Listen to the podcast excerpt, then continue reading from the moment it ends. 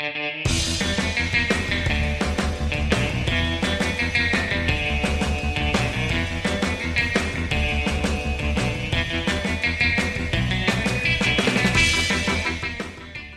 daar, welkom bij Studio Magic, de Nederlandstalige podcast over alles wat te maken heeft met Magic the Gathering. Mijn naam is Jeroen Koster Ik ben Dave. En mijn naam is Arjan. en dit is aflevering 15. Hierin eh, bespreken we de Core Set 2019, oftewel kortweg M19. En we maken de winnaar bekend van onze Dominaria Booster Box weggeefactie. Yes. Yes. Hey, trouwens, een tijd geleden dat we hier met z'n drieën in de studio zaten. Want de vorige aflevering eh, hebben we opgenomen in de Spellencafé. Ja, dat is weer een tijdje geleden ook. Toen regende het keihard en inmiddels heeft het al drie weken niet geregend, geloof ik. Nee, het is inderdaad het is bizar warm eh, de afgelopen dagen. We zitten hier ook eh, op eh, slippers en in t-shirts in de studioruimte. Ehm Dave, hoe gaat het met je? Ja, bij mij gaat het prima.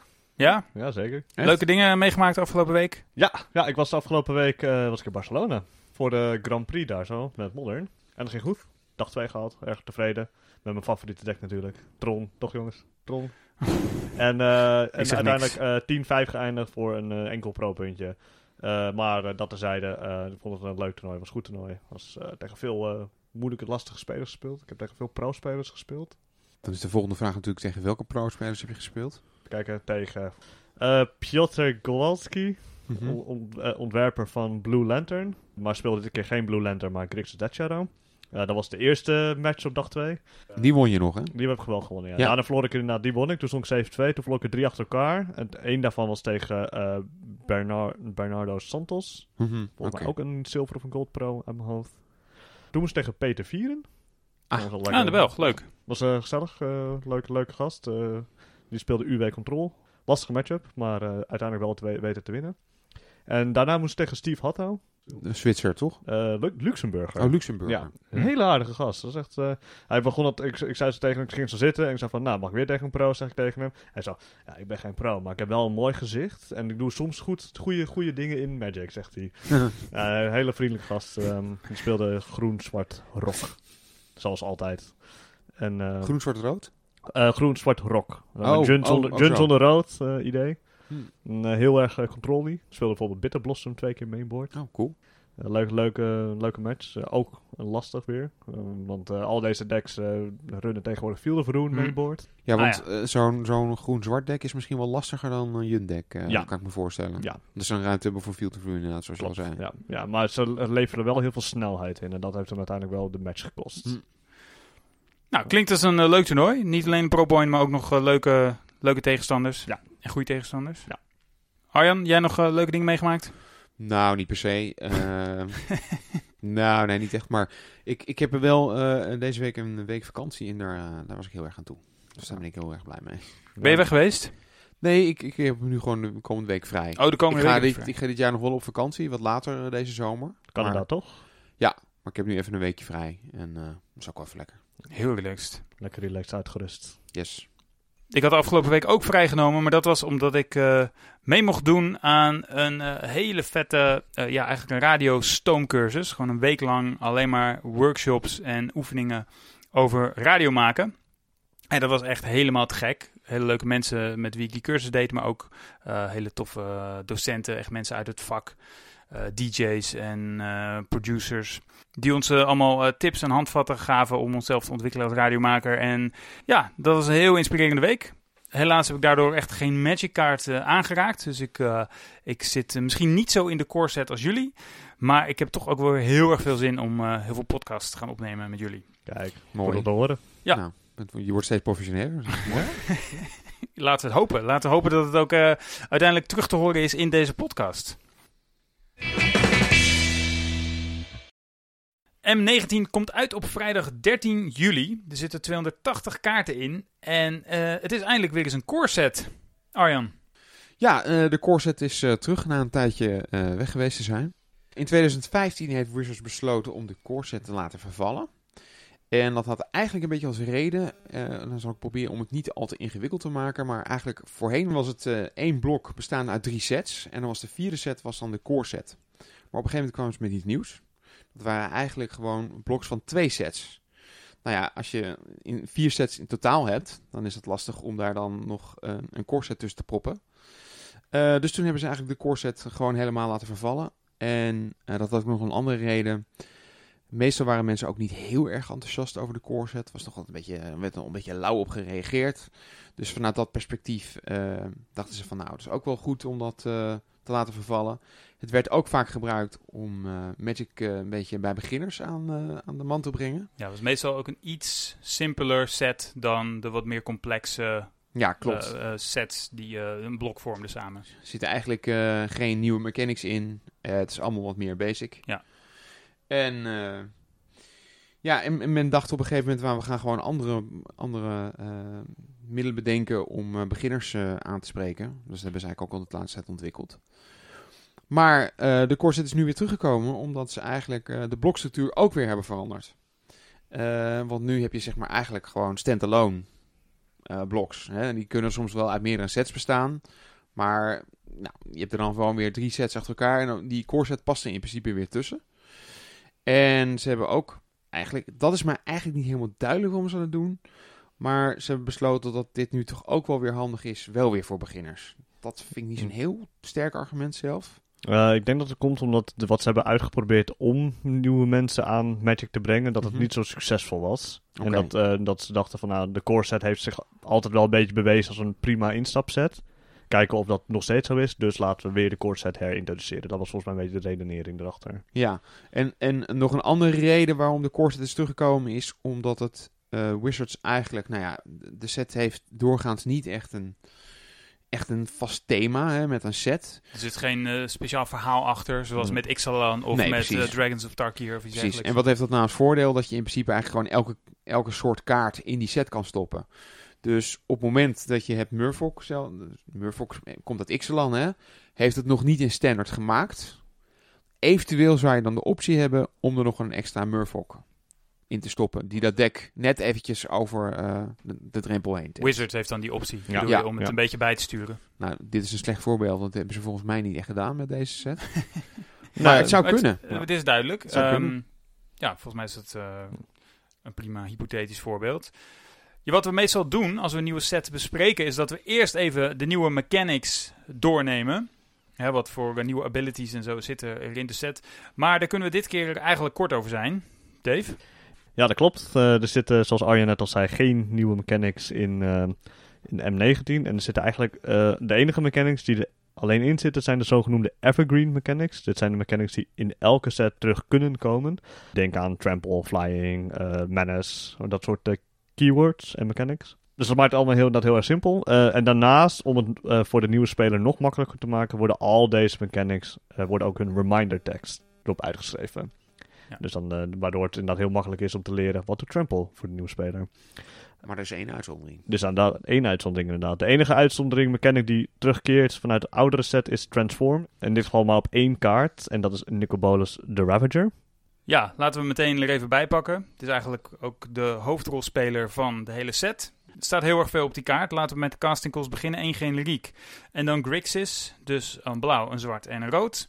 Legendary creature Elder Dragon. 4-4, flying. En uh, when Nicobolus the Ravager enters the battlefield, each opponent discards a card. En dan heeft hij ook nog voor 4 generiek en nog eens een keer Grixis. Dus weer blauw, zwart, eh, rood.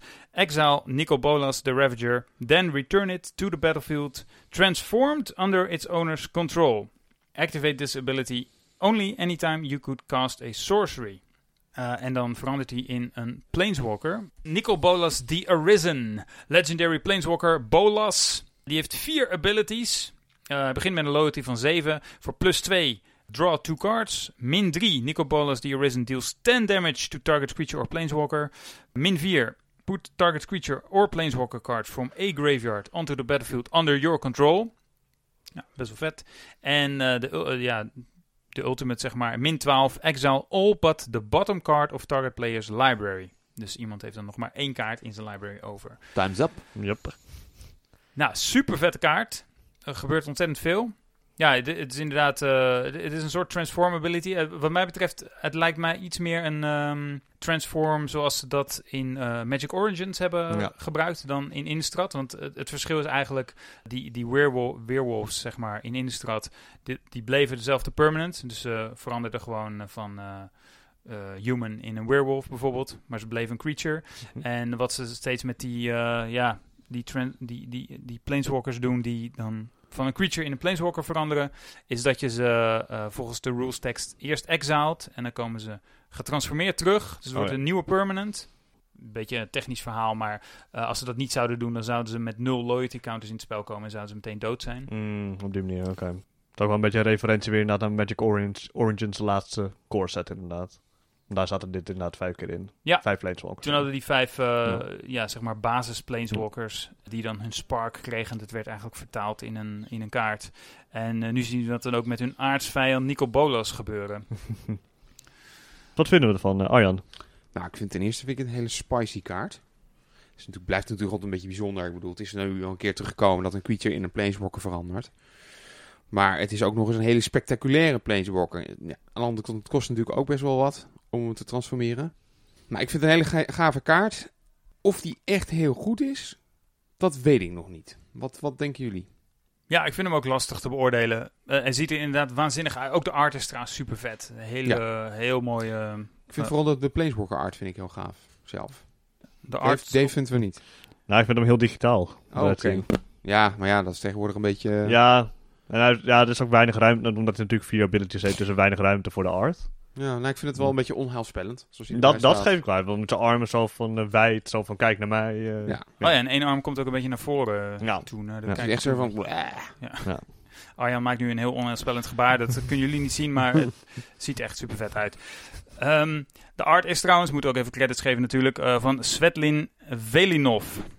Maar nee, ik, ik vind zowel de voor- als achterkant echt te gek. Ik vind een 4-4 flyer voor 4 mana eh, ook echt wel een goede ja, rate, zeg maar. Ik denk dat Hmm. het niet meteen een kaart is voor Modern misschien.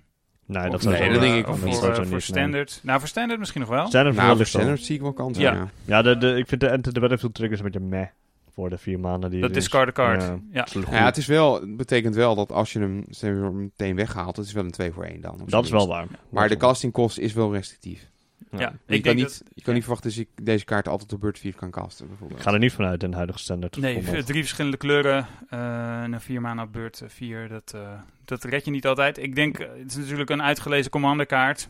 Ook omdat het multiplayer is, dat maakt die eerste ability van eh, each opponent discards a card extra goed. Ja. Het enige wat ik, eh, waar ik een beetje bang voor ben, is die eh, ability, die activated ability voor 7 mana op sorcery speed. eh, dat je hem dus exiled en dan weer terugbrengt.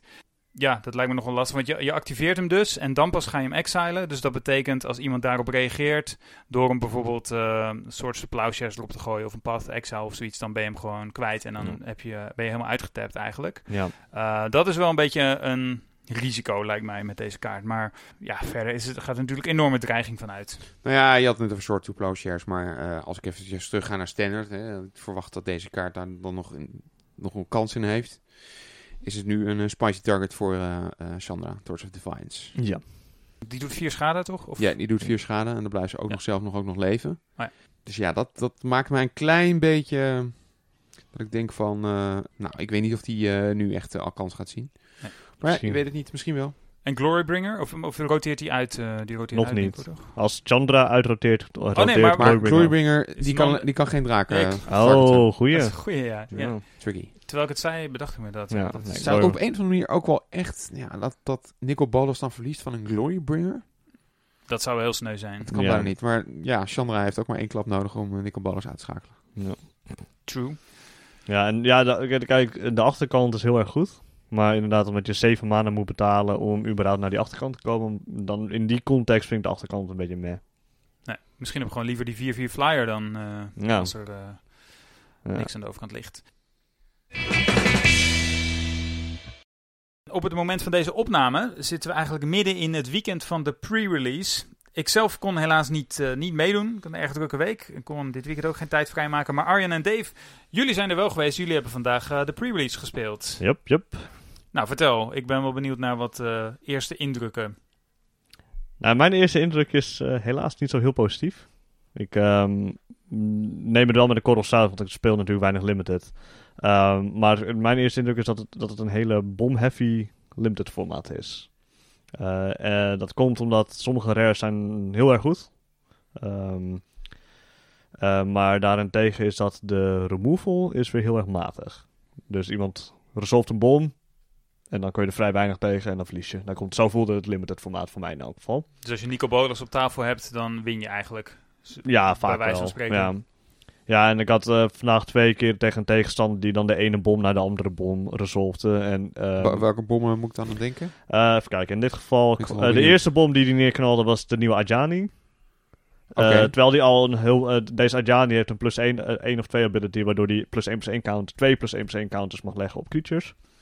Eh, en hij had inmiddels al een board vol met creatures, dus die werden gewoon steeds sterker en sterker. Eh, en waaronder eh, vier flyers, dat is ook nog een punt, daar kom ik zo meteen nog even op terug.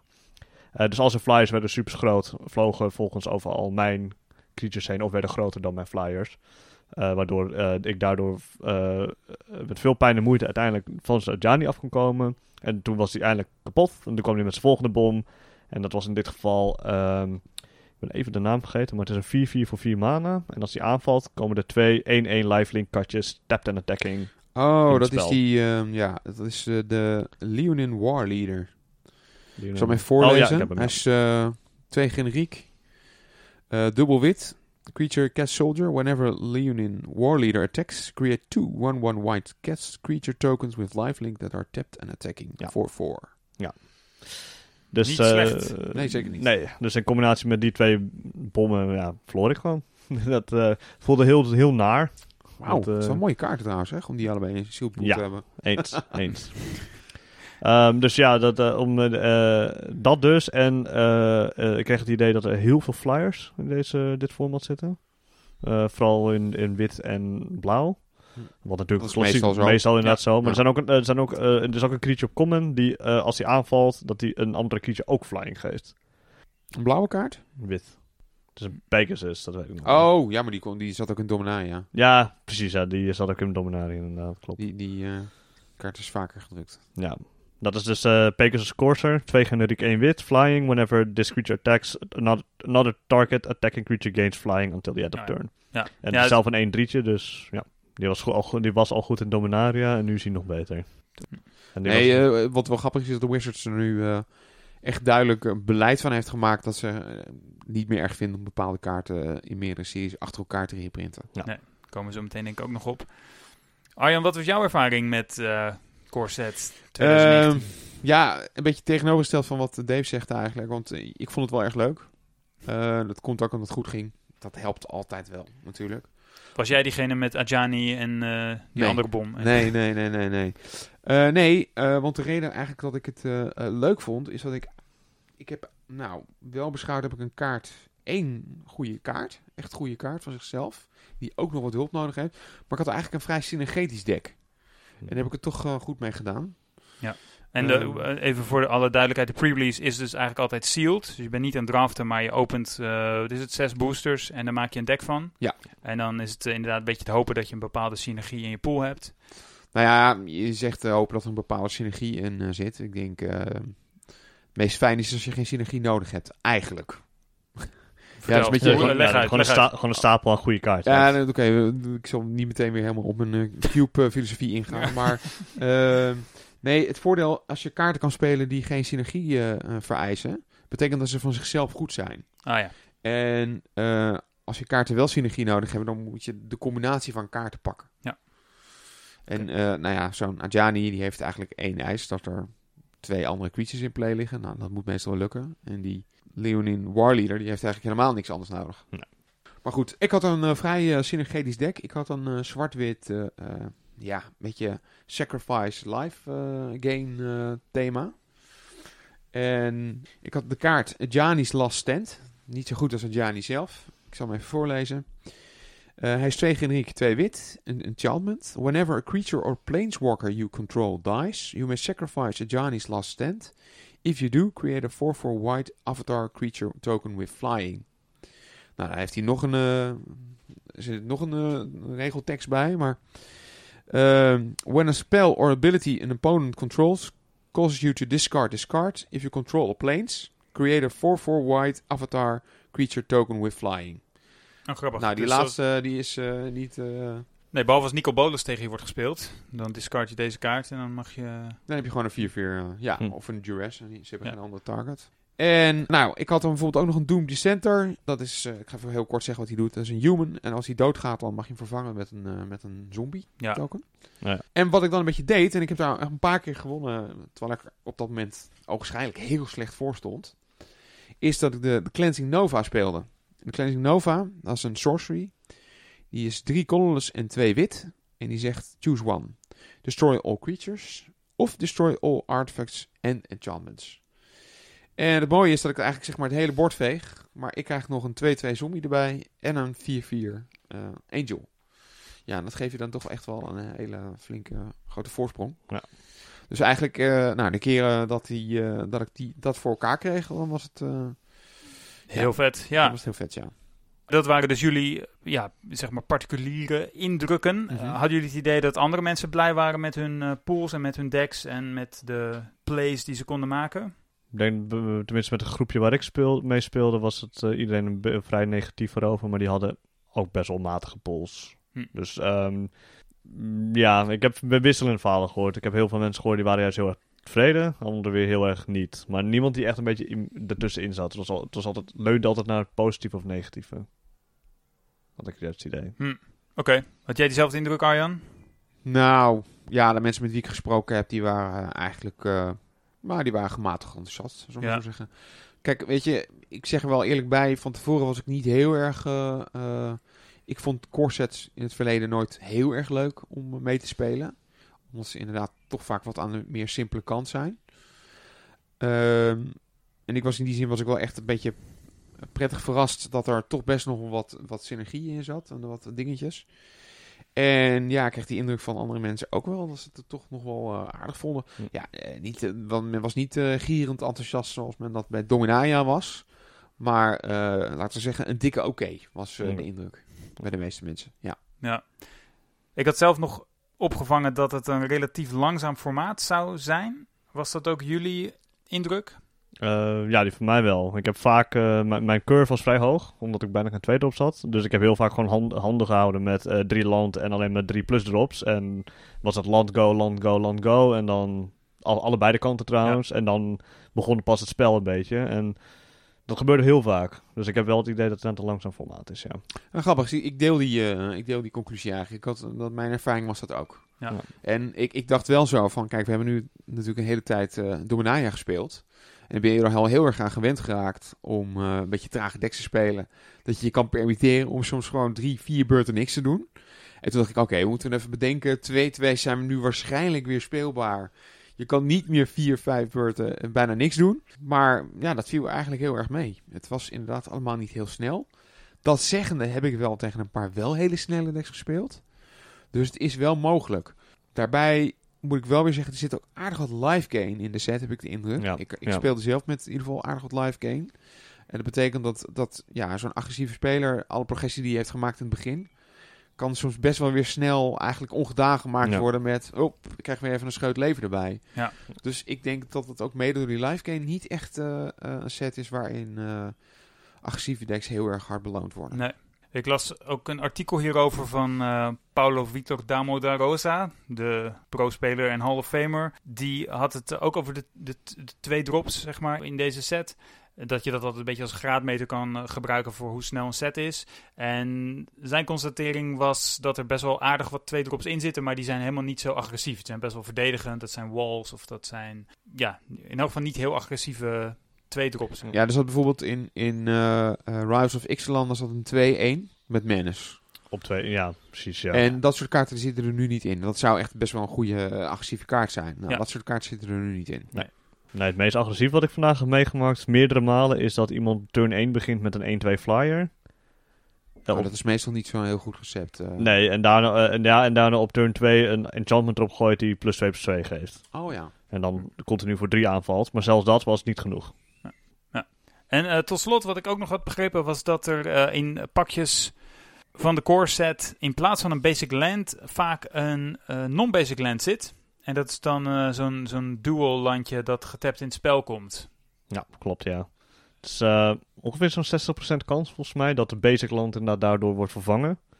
Eh, het is- het is niet, nieuw, niet de eerste keer dat we dit zien. Dat hebben we ook in andere sets al een keer gezien. Eh, Dragon's Maze. Dragon's Maze inderdaad. En ook Fate Forge en Kaans hadden, da- hadden dat. Volgens mij is dat in Dragon's Maze per definitie altijd een dubbel landje ja, in, klopt, ik. ja. ja, maar dat was ook een eh, volledig multicolor set inderdaad. Is Ja. dat dan een manier van, eh, voor Wizards om te zeggen, ehm, om mensen wat meer aan te moedigen om meerdere kleuren te gaan spelen?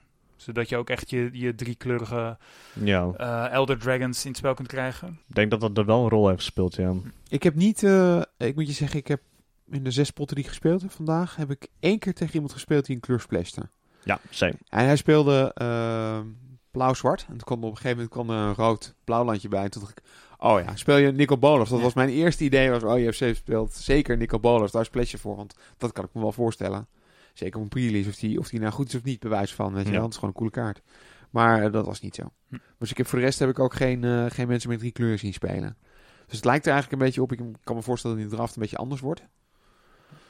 Maar Ja, nee, van, vanuit de Shield perspectief heb ik dan inderdaad ook niemand gezien die in de derde kleur... de Maar voor special- Shield is het op zich wel tof dat, dat er met enige regelmaat die landjes bij zitten, denk Ja. ik. Zit Ja. voor de rest niet heel veel fix in de set, dacht ik. Nee, je hebt eh mana lid op common, volgens mij. Die Ja. drie, de drie mana tap voor elke kleur of zoiets was Ja, volgens mij. artefact. Ja. inderdaad. En that's it. Groen heeft geen fixing, bijna geen fixing, tot zover ik weet. Het heeft wel ramp. In, door middel van eh Llanowar Elves, die, die één groen geeft. eh Druid of the Cowl, die een groen geeft voor een tap. Llanowar Elf zit er niet in, hè? Llanowar Elves zit er wel in. Serieus? Ja. Nee, dat nou. Tenminste, ik zie hem hier wel in het lijstje tussen staan. Dan zit hij er waarschijnlijk in. Maar, ja. Nou, ik ga nog even kijken. Hier, Elves, M19. Maar kijk even de nummer. Ja, ik geloof je wel, hè? Maar... Oh ja, Llanowar Elves zit wel in de set, maar niet in de booster Ah. packs. Ah, ja, ja, ja, zie je nu wel. Ja. Ja. hij zit inderdaad in de Planeswalker decks. God, is dat weer een bekende, Die laten we even bij de beschouwing. Ja, bekende Oké. flauwiteiten. Maar goed, die, daar die kunnen we niet openmaken met de draft in ieder geval. Nee. Goed. Ja, fi- fixing is matig, en, maar genoeg om af en toe een derde kleur erbij te splashen. Beter in draft. Ja, ik kan me voorstellen dat je dat voor zo'n draak, zo'n dikke draak wel doet. Ja.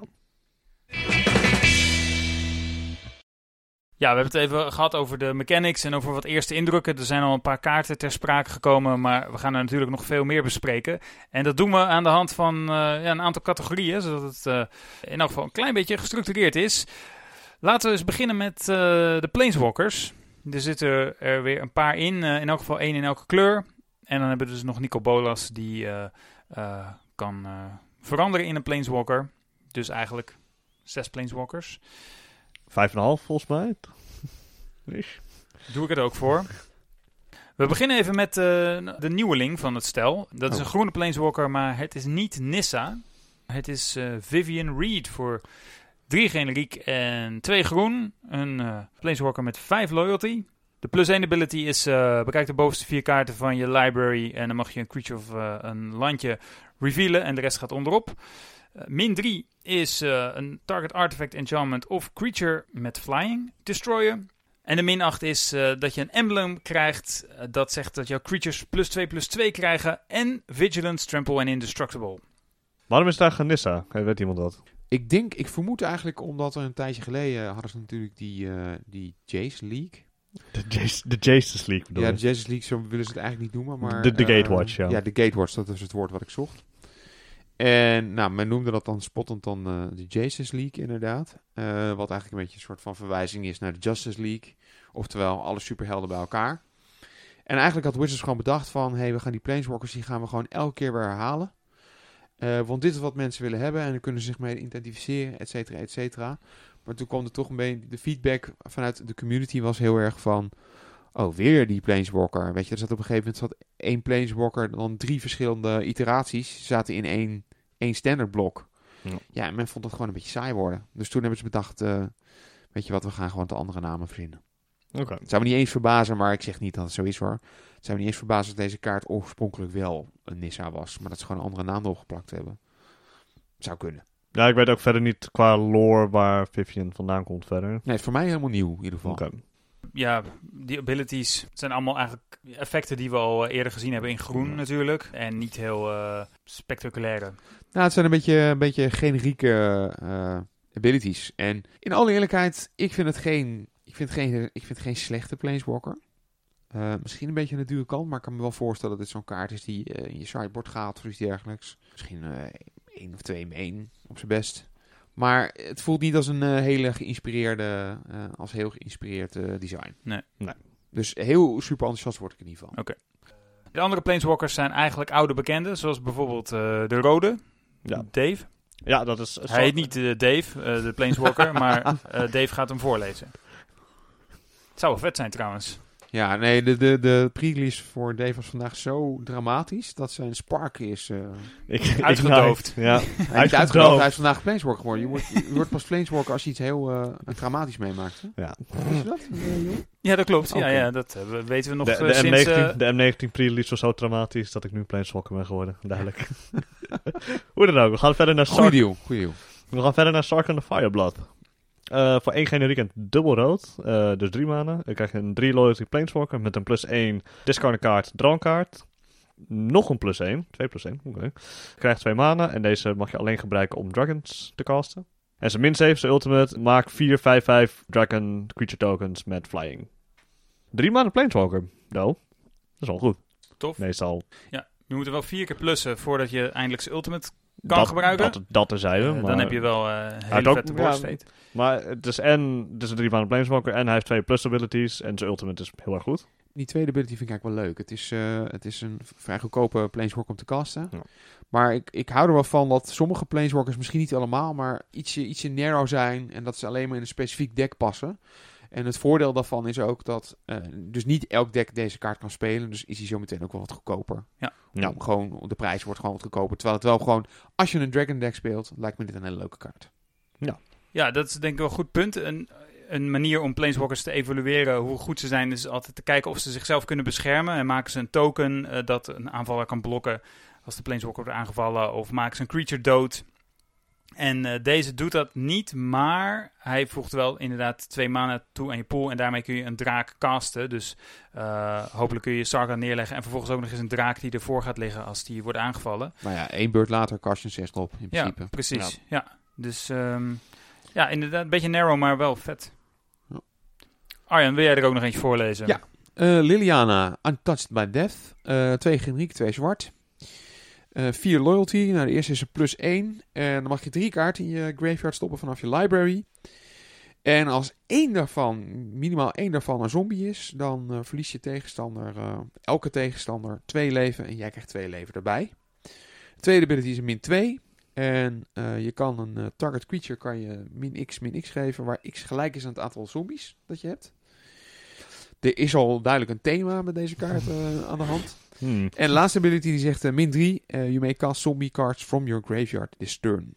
Zo. Nou, eh, Weer een hele narrow kaart inderdaad. hele narrow kaart. Ja. Want ja, als je geen zombies in je deck speelt, dan wordt het, eh, dan wordt het heel, heel wordt het matig, heel ja. lastig met deze Ja. kaart. Ja. Maar in een zombie deck lijkt me dit een behoorlijk goede, eh, goede kaart.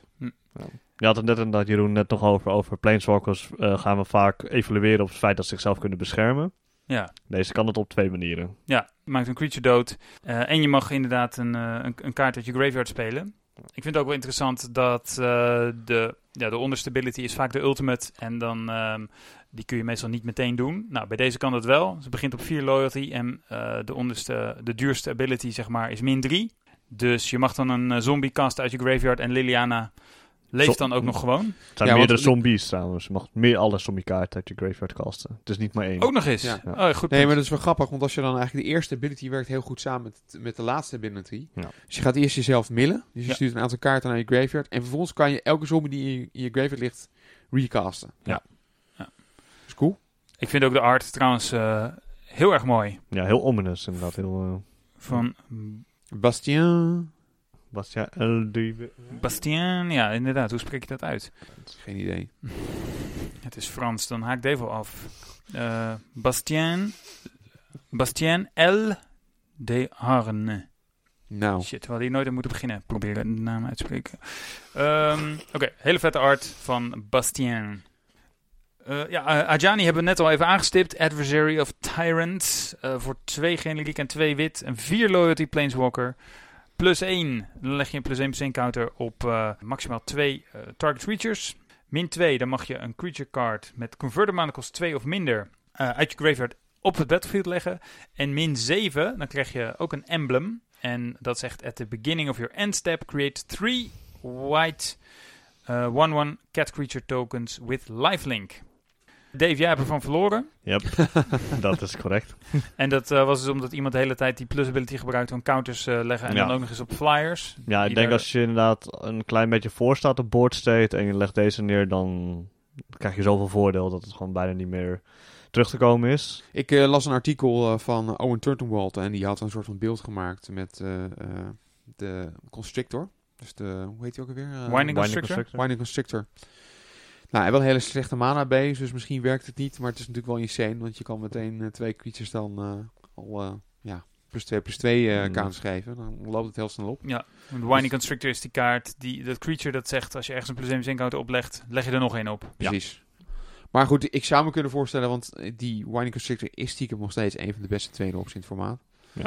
Maar goed, de mana is wel lastig. Ik Ja, vind, het wel, ja. ik vind het sowieso leuk dat Ajani terug is. Ik vind het, eh, ik vind het een eh, coole, coole planeswalker.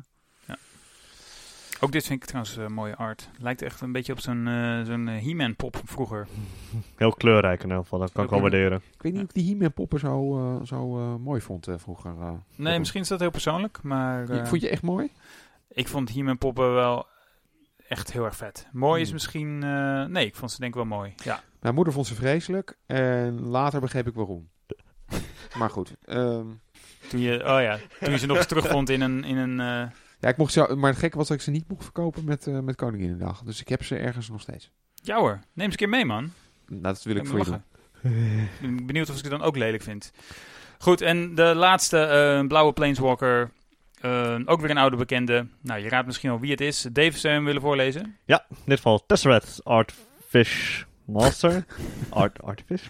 Art, Artifice. Is niet expres dat ik hem door jou liet voorlezen hoor, Dave. Ja, dankjewel Jeroen. Ja, Tesseract Artifice Master. eh 3 generiek, 2 blauw. Eh 5 mana eh, Loyalty Planeswalker. Als je de plus 1 doet, dan krijg je een 1-1 Topter Creature Token met Flying. Zijn 0 is draw een kaart, maar als je drie of meer artifacts hebt, draw je twee kaarten. En zijn min 9, zijn ultimate. je krijgt een emblem met aan het begin van de end step. Zoek je library voor elke soort permanent kaart. Leg deze op de battlefield en shuffle down naar je library. Ik vond het een hele vette kaart toen ik hem voor het eerst las. Eh, vooral die null ability vind ik erg tof als je ja, een artifact deck speelt. Ja, gewoon gratis twee kaarten trekken. Ja. Ehm, Werkt ook goed met zijn plus 1 ability, uiteraard. Eh, ja, want dan heb je dus een, eh, al een topter gemaakt. En eh, ik zag ook dat dit op dit moment een van de duurste kaarten uit de set is. Het is een euro of eh 18 volgens mij. Dat was hij wel, ja. Ik weet niet of dat is dus eh, nog, nog voordat... Ik denk dat het veel rond die prijs, misschien 15 euro is, nu hangt. Oh nee, wacht, sorry. Eh, hij is, ehm, wat ik nu zie staan, de vanafprijs op eh, Magic Card Market is 14 euro. Oké. Oh, wauw. Eh, maar Tesseract, ja. wat vinden we daarvan? Maar volgens mij, Jeroen begon ermee te zeggen dat hij een hele gave kaart vond, maar... Nee, niet eens een maar. Oh. Eh, ik, ik denk dat het een gaaf kaart is. Ik zal hem denk ik zelf niet zo snel spelen buiten Commander. Want ik, ja, ik speel bijvoorbeeld geen Affinity of dergelijks. Ik heb wel een minimaal één Commander deck waar die erg goed in past. Omdat daar gewoon heel erg veel artifacts in zitten. En dan ga ik misschien een van mijn andere Tesserets eruit gooien. Want ehm, ja, als nul ability kaart te trekken vind ik wel heel sterk. Ja, ik vind het heel gaaf om eh, eh, tokens te maken. Zeker als ze 1-1 vliegen. Het, probleem wat ik wel een beetje zie met Goblin Chain Whirler, hè, die maakt al die eh topletjes er weer dood. Ah, en weer, standard, ja. dat is dan weer een beetje jammer. Ik vind het een hele gaaf planeswalker. Ik heb al een beetje met hem eh, lopen playtesten. Voor in standard. Daarin was het wel lastig. Maar ik zou me wel kunnen voorstellen dat ik er een one-off zou spelen. Want als je hem dan op een gegeven moment wel aan de praat krijgt, dan is hij wel heel sterk. Ja. Wat is jullie eh, favoriete van deze vijf? Ik denk toch Liliana, ondanks dat ze vrij narrow is. En niet alleen vanwege de art. Maar ik- ja, ik vind het erg tof dat je die dus kunt minussen en dat ze dan nog leeft. Eh, ja, en wat we net al bespraken, die abilities werken gewoon ook heel erg goed samen. Dus wat mij betreft is dat mijn, eh, mijn favoriet. Ja, ik ben het eens met Jeroen. Liliaan is ook mijn favoriete planeswalkers van deze vijf. Oké, nou ja, ik begin eigenlijk. Het grappige is dat ik helemaal niet zo high was op eh, Liliana, maar ik had ook even gemist dat je elke zombie kan eh, recasten uit je, uit je graveyard. Of doe je meerdere tegelijk? Of tegelijk in dezelfde beurt. Ja, dat je Ja. eigenlijk gewoon in principe gewoon elke zombie je kan eh, recasten. Dat is toch wel eh, behoorlijk goed. Er zijn ook nog een paar andere goede zombies bijgekomen. Maar goed, laat ik een beetje origineel zijn. Eh, ik hou het even op Tesseret. Prima. We hadden het er net al over dat er geen, strikt genomen geen nieuwe mechanics in deze set zitten. Maar wat ik zelf altijd wel heel interessant vind om te bekijken als er een nieuwe set uitkomt, is of er kaarten in zitten die echt iets, die iets doen wat, je, wat we hiervoor nog niet hebben gezien in eh, Magic. Of nog heel weinig hebben gezien. Dus we gaan even een paar kaarten bespreken die een ehm, ja, toch een beetje opvallende rules tekst hebben. En de eerste die ik er even wil uitlichten, dat is Sun Cleanser. Sun Cleanser is een eh, wit creature, één generiek en een wit, human cleric, 1-4. En eh, die heeft een Enters the Battlefield ability waarbij je uit twee dingen mag kiezen. En dan ga ik dat weer eh, proberen in het Nederlands te vertalen. Ehm, eh, haal alle counters van een target creature af. Dus het kunnen plus 1 plus 1 counters zijn. Nee, dat eh, gaan we zo. Dat is ook een mooie vertaald, hè? Target creature. Ja. ik ga dit even in het Nederlands vertalen. En verwijder Eh, alle counters van target creature. Ah, scherp. Ehm, en deze heeft een Enters the Battlefield ability, waarbij je mag kiezen uit twee opties. En de eerste optie is dat je alle counters van een, een creature afhaalt. En er mogen dan ook geen counters meer op dat creature gelegd worden, eh, zolang je Sun Cleanser op de battlefield hebt liggen. Dus die optie kan je kiezen. En de andere optie die je kan kiezen is dat een eh, tegenstander naar keuze alle counters verliest. En die speler die kan dan ook geen counters meer krijgen zolang je Sun Cleanser op de battlefield hebt liggen. Nou, dat is heel veel tekst. Ik denk dat we dat eventjes moeten toelichten. Je kan dus counters van een creature afhalen. Nou, dat zijn dus vaak plus 1 plus 1 counters. Maar het kunnen ook min 1 min 1 counters zijn. En nog een heleboel andere soortige eh, counters. Zoals, nou, noem eens wat. First counters. ehm, Plus 1 plus 1 counters, min 1 min 1 counters. het kunnen ook eh, charge counters zijn. Als het bijvoorbeeld een artifact creature is. Dus dat kan wel interessant zijn. Ehm, even bedenken of er dan een... eh, wat zou daar een toepassing mee zijn? Nee, je denkt dan misschien, als je een modern speler bent, denk je meteen in de richting van die combo met eh, Devoted Druid en Vizier of Remedies. Ik denk dat deze kaart daar niet mee werkt, trouwens. Want ehm, deze zegt dus eigenlijk dat je geen counters op een creature kan leggen. nou, Dus dat betekent ook dat je niet met je Devoted Druid, dus dat is dus dat elfje dat eh, tapt voor een groen, en die mag je untappen door een min 1 min 1 counter op te leggen. Je kan die ability dan gewoon niet gebruiken, daar een Nee. min 1 min 1 counter op leggen. nee. Nee, je wordt dan tegengehouden, ja. Ja, maar dat betekent dus ook dat je dat bij, je kan er wel de, de combo van je tegenstander mee breken. Ja. Dus het is dan een soort haatkaart tegen die combo, bijvoorbeeld. Hij zegt haatkaart tegen die combo, maar... mm, Sorry, dan kom ik weer een beetje met mijn standaard. Maar het Zijn is, wel, altijd goed. het is wel duidelijk waar deze kaart voor gemaakt is. Deze Vertel. kaart is eh, gemaakt eh, als een haatkaart tegen energy. Beter later nooit. Eh, ja, dat, nou ja, duidelijk te laat. Ik bedoel, Ja. hebben, ja, het is heel verbazend eigenlijk dat ze nu, met zo'n, nu nog met zo'n kaart komen. Ja. Ik snap wel dat die kaarten al ruim van tevoren gemaakt worden. Maar zelfs als Energy dan echt een probleem geweest zou zijn, wat zij niet hadden verwacht, dan kom je nu pas met een antwoord op het allerlaatste mogelijke moment. Ja, Dus terwijl, ik, terwijl ik snap de, dat niet helemaal. Terwijl Kaladesh over drie maanden uit gaat roteren. Ja, Dat, is het, hele- dat vind ik of, het, vreemde. of het was geen probleem en dan heb je deze kaart niet nodig. Ja, Of het was wel een probleem en dan kan hij veel te laat. Ja. Hm. Dus en maar los van wat hij doet, vind ik het heel, vind ik de timing hoe dan ook dat- apart. ja. Toen ik deze kaart zag, dacht ik, oké, dit is een energy hard kaart die veel te laat is. Print hem dan maar gewoon helemaal niet. Want, ja, goed. Nou ja, dat hadden ze al gemaakt. Maar wat ik al zeg, van eigenlijk er was eigenlijk geen scenario denkbaar waarin eh, mensen heel erg op deze kaart zitten te wachten, denk Ja. ik. Nee, Maar precies, ja. Als deze kaart in Rivals of Ixalan of zo was geprint, dan was het allemaal dikke prima geweest. Maar nu in M19, eh, drie maanden voor de rotatie, is heel vreemd. Nou goed, dus voor standard misschien niet zo'n eh, niet zo'n relevante Nee. kaart meer. En, en voor Limited ook niet hoor. Want ik had hem vandaag in mijn pre-release pool. oh, je hebt hem nog niet eens opengemaakt hoor. ik speelde wit, maar hij is mooi in blijven zitten. Ja, Limited is de, is de leuke blokker en that's it. Het is een 1-4 blokker, inderdaad. Nou, dit is dus zo'n eh, zo'n twee drop die nog van niet agressief is. Nee, Goeie Nee, blokker. En- maar als je niet. deze opent als, als rare, denk je nog steeds van, maar why? Dat Ja. is wel een ding. Ja. Waarom? Waarom? Maar goed, wel een bijzonder effect dus. Dat, Dat alle wel. counters eh, ergens afgehaald worden. En dus ook van een speler afgehaald kunnen worden. Ja. Bijvoorbeeld in Commander. eh, dan denk ik dus aan experience counters. Dan leg je iemand best wel lam. Als iemand een commander heeft die draait om het krijgen van experience counters. Zoals bijvoorbeeld, eh, eh, ja, welke doen dat? Mizzix of eh Marin. Nou, het zijn vrij populaire commanders. En die draaien echt om het verkrijgen van experience counters, waardoor je deck dan echt gaat lopen. Maar, maar ben jij, ik ben geen commanderspeler, zeg ik erbij. Ja. Maar ben je dan als commanderspeler bereid om deze kaart in je main deck te spelen?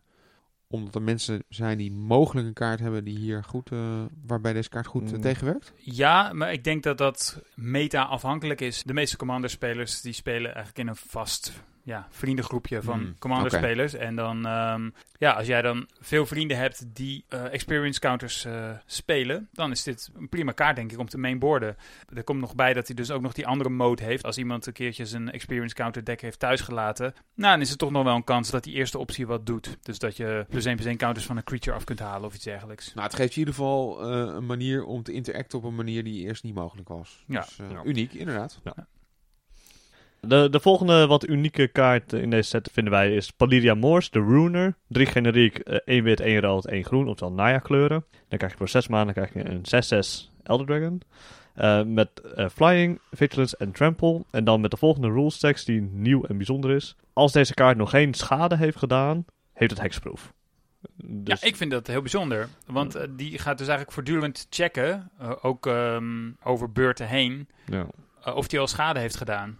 Dus, de, e- dus hij heeft altijd hexproof. En dan de eerste keer dat hij schade doet, of hij blokt of aanvalt, dat maakt dan niet uit. Dan vervalt hexproof. Ja.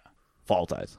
Ja, dat is toch best wel maf. Terwijl dat, niet, eh, niet, het wordt niet bijgehouden met een counter of zoiets. Nee. En volgens mij zijn ze daar bij R&D niet heel erg fan van. Voor mij willen ze dat alles, al, elke verandering, dat die op de een of andere manier te tracken is. Bijvoorbeeld door een counter erop te leggen. En deze die doet dat dus niet. Dus dat, het is natuurlijk wel een vrij ehm, makkelijk te onthouden iets. Ja. Of vrij makkelijk aan te wijzen. Van nou, je hebt toen schade gedaan met die draak. Dus nu heeft hij geen hexproof meer.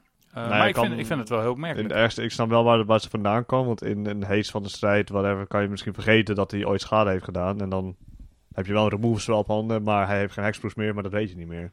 Dus, ja. Je bedoelt, het, het zou wel verwarrend kunnen zijn. ja, ik denk zeker, zeker als we ook live coverage meepakken.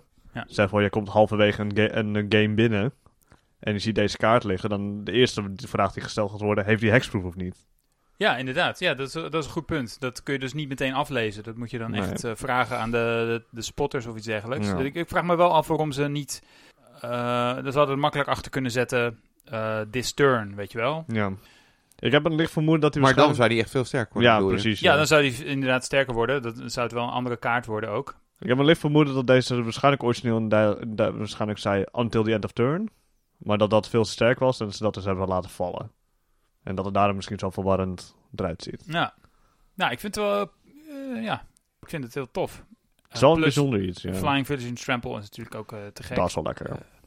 Ja. Het is ook wel lekker als je, want heel vaak wat, wat men zeker, eh, je wilt lekker grote draken spelen. Je slamt eindelijk je, je 6 flyer neer en dan wordt hij meteen kapot gemaakt. Ja. Dat is voor veel, zeker voor veel nieuwe spelers, vinden dat gewoon van ja, whatever, het zal wel. Niet, Ja. Dat is niet leuk. En dan, vanuit dan snap ik wel dat ze hem hexproof hebben gegeven. Ik vind dit echt een eh, superbom. Eh, nu, hoe meer ik erover nadenk. eh, in elk geval voor Limited dan. Ja. Deze draak die komt trouwens uit een cycle van Elder Dragons die in deze core set zitten. En dat zijn eh, ja, alle vijf draken met een, een castingkost met in elk geval drie kleuren. Eh Nico Bolis hebben het net eens al besproken en dit is dan de, de Naya versie. En zo heb je ook nog een, eh, een Esper, een Band en een Junt draak in deze set rondvliegen. Nog een andere kaart eh, waar sommige mensen het graag over willen hebben. Dat is Alpine Moon. Eén rode mana. Enchantment. En die zegt, as Alpine Moon enters the battlefield, choose a non-basic land card name. Lands your opponent's control with the chosen name, lose all land types and abilities, and again, add one mana of any color. Nou, Dave. Wat, eh, wat eh, doet deze kaart in gewone mensentaal? Ja, in het geval waar Arjen eh, naar verwijst is dat ik als Tron-speler moet, ik, moet hier blijkbaar niet heel eh, blij van worden. Want ze Oh, kunnen... dat, maar dat, dat weet ik eigenlijk niet. Dat- dat- ik wil niet zeggen dat je hier niet blij van wordt, maar er zijn mensen bij dit soort ze, oh Tron. Ja, Tron, Tron, de haatkaart voor Tron. precies. Net zoals met de natte steen in dempeningssfeer, ja. Ja, en dan ben ik wel benieuwd. Wat vind jij ervan? Ik word er niet heel eh, bang van. Nee, want het heeft allemaal hetzelfde antwoord. Ja. Toch? Ja, het erge nog is aan deze kaart is deze slam je turn 1 neer. Zeg je, noem Ursus Tower. Prima, ik kan nu groen maken. Cast an Age Claim, target je Alpine Moon, we gaan gewoon weer verder. Plus dat dempeningssfeer gewoon eigenlijk beter is en veelzijdiger. Ja, terwijl, ja dat. Het is tenminste heel narrow. Ja. Dat. En Eh, er zijn een aantal andere kaarten in deze set die ook heel narrow zijn. Daar komen we misschien straks nog even op terug. Mhm. Eh, maar deze is eh, voor Modern inderdaad te, te narrow. En het, het stopt niet, uiteindelijk niet wat je wilt in, in, in tegen Tron in dit geval. Maar, maar Jeroen, jij had deze kaart min of meer uitgekozen om toch nou, weer een speciale ability. Wat vond jij bijzonder aan deze kaart? Nou, wat mij opvalt, we hadden het net al over dat core sets meestal wat simpeler zijn. Maar jij stipte ook al aan, Arjan, dat het een manier is voor Wizards om eh, nog even snel bepaalde kaarten erin te fietsen die het format nodig heeft. Je noemde het toen standard, maar het kan natuurlijk ook modern zijn. Ja. Misschien dachten ze bij Wizards eh, van, nou, Tron, eh, daar hebben we nog iets meer haatkaarten tegen nodig. En eh, toen hebben ze Alpine Moon bedacht. Ik denk dat het een beetje zo is gegaan. Want de tekst die hierop staat is natuurlijk eh, onbegrijpelijk als je een beetje een nieuwe speler bent. Ja. Dat refereert aan non-basic land, card names en aan land types en zo. Ehm, en dat zijn al best wel... Dan moet je de regels al best wel goed kennen om te snappen wat voor effect dat eigenlijk heeft. Want ik, ik interpreteerde hem ook eerst verkeerd. Ik dacht, je noemt dan Urza's Tower... En ehm, dan, dan kunnen je andere tronlandjes kunnen nog gewoon mana maken. Maar dat is niet zo, want hij eh, haalt het landtype weg en niet de naam van het landje. Nou, ik weet niet of we dat helemaal hier moeten uitleggen, want het wordt gewoon een heel technisch eh, verhaal. Maar ehm, ja, ik vind dat het grappig dat het dus best wel een, dat ze een haatkaart printen, maar dat die best wel complex is. En dat het ook wel een nieuw effect is trouwens. Ik, ik denk trouwens dat deze haatkaart eigenlijk gewoon vooral bedoeld is eh, in standard ook weer. Er zitten natuurlijk veel van die transformlandjes in standard. Oh ja, grappig. En ik denk dat die daar eigenlijk echt voor bedoeld is. Heel grappig dat je dat noemt. Want ja, zo, zo, ja, je merkt dus dat ik echt totaal geen standard speel. En zo had ik er ook helemaal niet naar gekeken. Ja, maar, maar het is wel een goeie. ja, maar ik vind het interessant, want als we het nog even voor dempingssfeer hebben. eh, Dempingssfeer. Dempingssfeer, Ja. sorry. Eh, die zorgt er eigenlijk voor dat als een landje meer dan één mana produceert, dan wordt het toch nog één, één, ja. één mana, zegt hij. En dat had eigenlijk niet bijna geen, geen utility in standard. Nee. Nee. Dat is, ik heb het idee dat die kaart wel echt met, voor modern is geprint. Maar bij deze denk ik van, nou, volgens mij is hier vooral standard op het oog. Oké, ja, dus eh, neem bijvoorbeeld de, de landgedeelte van Search of Scanta bijvoorbeeld. Die zou je hier heel makkelijk mee kunnen stoppen. Precies. Ja, oké. Het is een bedoeld voor standard en heeft wellicht een lichte impact op modern. Daar komt het een beetje op neer. Maar ja, het is geen goede modern kaart in elk geval. En over modern gesproken, er zitten ook weer wat eh, bijzondere reprints in. Ja, het, ha- het handige ook aan deze core set is dat er ook nu reprints kunnen komen die nergens anders zouden kunnen passen. En dat komt, zien we ook wel terug in de reprints. Ja, de eerste reprint eigenlijk die is gespoild voor M19. En dat was eh, Scapeshift. Dat is een sorcery voor twee generiek en twee groen. Die zegt uh, offer een willekeurig aantal landjes op. En dan mag je uit je library even zoveel landjes eh, opzoeken en getapt in het spel leggen. En daarna je library shuffelen. En ja, daar is natuurlijk in Modern een heel eh, deck omheen eh, gebouwd. Met de Scapeshift. ge- Titan Shift, ja. Eh, Scapeshift en het zijn twee verschillende decks toch? Scapeshift en Titan Shift. ja je hebt, eh, je Scapeshift hebt- je- niet met Velvet en eh, Titan ja, je, hebt, Shift. je hebt twee decks. Ja. Je hebt Titan Shift, je, dat is rood-groen, Primeval Titan en Scape Shift. En dat is gewoon eh, ramp naar 7 maanden toe, cast Scape Shift in. Ja. Eh, en de andere heb je ook nog Bring to Light Scape Shift, dan ben je meer combo deck. Ja, dat is volgens mij die twee alleen. Ja. Ja. Ehm, een kaart oorspronkelijk uit Morningtide. En dit is volgens mij de eerste reprint. Klopt. En dat was hard nodig. Want, Ja, eh, er werd, er werd al heel lang geroepen om een reprint van deze Ja, kaart. deze- Waarom was het hard nodig? Het is een hele. Het, nou ja, het, het wordt maar in twee decks gespeeld. En het tikt, eh, deze kaart tikt inmiddels tegen 25, 27 euro per stuk aan. En dat is voor zo'n narrow kaart gewoon te duur. Ja. En hij wordt nu wel gereprint, gelukkig. Wel op Mythic. Maar dat is eigenlijk niet zo heel erg op dit moment. Want het is een kaart die je niet wil openen in je Limited. Want hij is tragisch slechte Limited. Ik heb hem vandaag geopend. Gecondoleerd. Nou ja, het is toch weer wat euro's. Ja, dat is al wat euro's. Ja. Dus het, wa- het was een rare en nu eh, is het een mythic. Ja. Ja. ja. Trouwens, Maar- wel, het was een rare in een periode dat er nog geen mythics waren. Dus hij was Klopt. nog wel ietsje zeldzamer dan een rare nu is. Dus eh, nou, maar eh, een goede reprint. En eh, voor mensen die Modern willen spelen en heel graag Titan Shift willen spelen. Geen idee waarom je dat wilt. Maar dan heb je bij deze goedkoop Scape Shifts. Nou, ik heb eh, wel een keer aan, eh, aan zo'n Bring to Light... eh, ik hou heel erg van de kaart Bring to Light. Dat is een, een kaart voor vijf mana. van twee groe eh, één groen en één blauw. En dan mag je een, een sorcery of een instant of een creature uit je deck zoeken en meteen casten. De converted mana kost mag niet hoger zijn dan het aantal kleuren dat je hebt gebruikt om Bring to Light te casten. Ja. Ik vind, ik vind dat dat soort effecten hou ik heel erg van. Van tutors en dat je hem dan meteen mag spelen. Uh, dus ik heb wel eens een keer aan dat Scapeshift uh, deck zitten denken of een variant daarop. Uh, maar wat me inderdaad tegenhield was dat die Scapeshift zelf echt zo ontzettend duur is. Dit maakt het wel wat meer. Um, nou, brengt het meer binnen, binnen Dus weet al wat Jeroen gaat spelen volgende even. Brengt ja, Scapeshift? Ik, ik, heb, ik heb een Scapeshift te kopen. En hier hebben volgens mij allebei interesse in. Dit wordt een mooie avond. Nou, het enige wat ik jammer vind, ik vind deze art vind ik echt een stuk minder tof dan de oorspronkelijke art. Oh, dat wou ik ook zeggen. Maar nu je, ik hem aan jou kan verkopen, ben ik daar een andere mening toe. ja, nou, daar ben, daar ben ik wel eens, ja. Die, ik vind deze art op zich ook wel oké, maar die oude art is inderdaad wel heel erg mooi. Ja, ja we zetten wel even een link in de show notes, maar de oorspronkelijke art van Fred Fields, ja, is echt inderdaad, dit is gewoon te gek. Een beetje vreemd, maar mooi. Die is wel mooier dan deze, ben ik met je eens. Die geeft nog meer echt wel aan van, hey, het wordt een soort van bos naar een soort van zee. Oh ja, ja klopt. Dat is ja, echt ja. Uh, bijzonder. Je ziet rechts inderdaad een bos met een vis erin, heel willekeurig. En links zie je inderdaad een zee. Ja. De volgende reprint is ook een kaart waar veel mensen al vaak lopen, liepen over te schreeuwen van alsjeblieft reprint deze, want hij is echt gewoon te duur. Reprint het nou! Precies. Deze Zo ging dat letterlijk, ja. Ja, deze tikt inmiddels ook tegen de 30 euro aan. Dat is Crucible Worlds. Drie generiek artefact. Je mag landkaarten uit je graveyard spelen. Daar word ik heel blij van. Want uh, uh, ja, uh, in, in Modern wordt er, en ook Legacy en andere formaten wordt er veel Land Destruction gespeeld. Deze zegt eigenlijk gewoon, Land Destruction is vrij slecht. Eigenlijk jouw hele Magic leven draait gewoon om Tron. Alles, alles, al, elke kaart die we noemen, die komt eigenlijk ja. gewoon neer op Tron. Nou, de reden dat ik heel blij ben met deze reprint is omdat ik nog maar één foil nodig heb. En dat is Crucible of Worlds. Dus ja. Oh, ik, je had het nog niet compleet, uh, je foil deck. Nee, 74 oh. uit 75 kaarten zijn foil. Ah, nou, Maar nice. de Crucible of Worlds. Uh, nee, hele mooie reprint. Wat ik wel een beetje jammer vind, maar dat is meer gewoon... Uh, hier zit geen nieuwe art op. En er is niks mis met die oude art hoor. Maar Nee. ik, was wel gewoon even, ik ben soms wel benieuwd hoe, hoe je dat eh, kan herinterpreteren, die art. Hmm. Kijk, Crucible of World is toch een beetje een abstract, eh, abstract iets. Hè? Wat Ja. is dat nou, nou precies? Wat betekent dat nou? En eh, nou, ik had wel graag een herinterpretatie willen zien. Maar Ja, oké, ik snap wel even naar. op zich niks mis. Ja, ik- dat komt ook omdat de masterpiece art geeft nou niet echt meer context van wat ik gewoon namelijk Crucible of Worlds moet voorstellen. Hoe zag de Masterpiece art er ook uit? Ehm, je hebt een, eh, een soort van, ja, wat is het, een soort van buis waar dan een blauw goedje uitkomt. En dat is dan, that's it. Ik heb hem Oké. hier voor. Je mag hem zelf nogmaals beschrijven. Oh ja, die is wel mooi qua kleur in ieder geval. Hij is mooi qua maar kleur. het is me ook niet duidelijk wat een Crucible Worlds is Nee. precies. Moeten we deze ook weer in de show notes gaan zetten?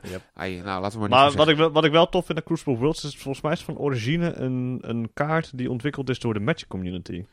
Oh Ja. ja, die hebt gelijk. Ja, dat, is, ja, dat klopt. Dat Ja. herinner ik me nog. Er zijn, eh, ja, er zijn momenten in de historie geweest dat de spelers kaarten mochten ontwikkelen. De laatste waarvan ik me herinner is Waste Not. Ja.